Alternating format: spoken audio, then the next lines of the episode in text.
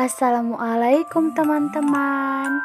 Hari ini kita akan menceritakan tentang Tukang semir soleh yang mendapatkan derajat haji. Hmm, siap-siap ya mendengarkannya. Hiduplah seorang laki-laki miskin yang berprofesi sebagai tukang semir sepatu.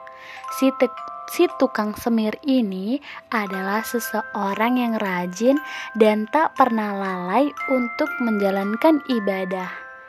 Kehidupannya yang pas-pasan pun tidak menyurutkan niatnya untuk bisa pergi haji. Sedikit demi sedikit ia kumpulkan jeripayahnya untuk bisa naik haji.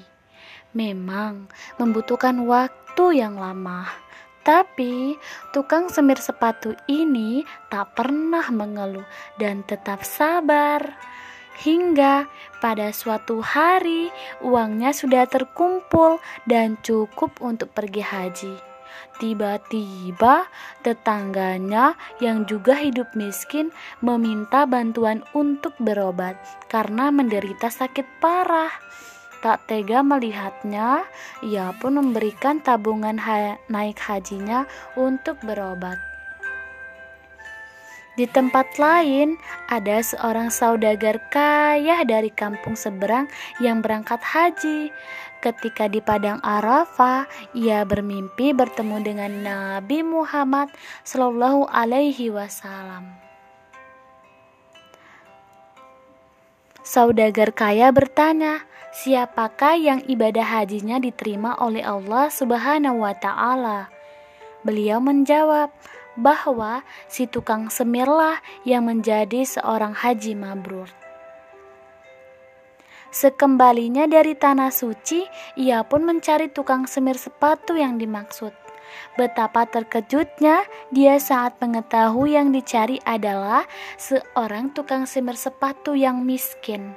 Sang, sang saudagar kemudian bertanya, apakah benar si tukang sepatu telah naik haji?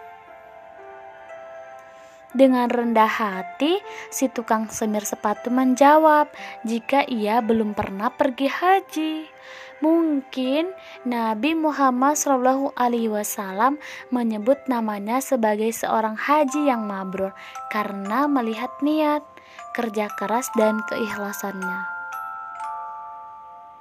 Nah, teman-teman, jadi segala sesuatu yang kita lakukan itu harus ikhlas. Dan yang kedua, jangan lupa untuk saling tolong-menolong.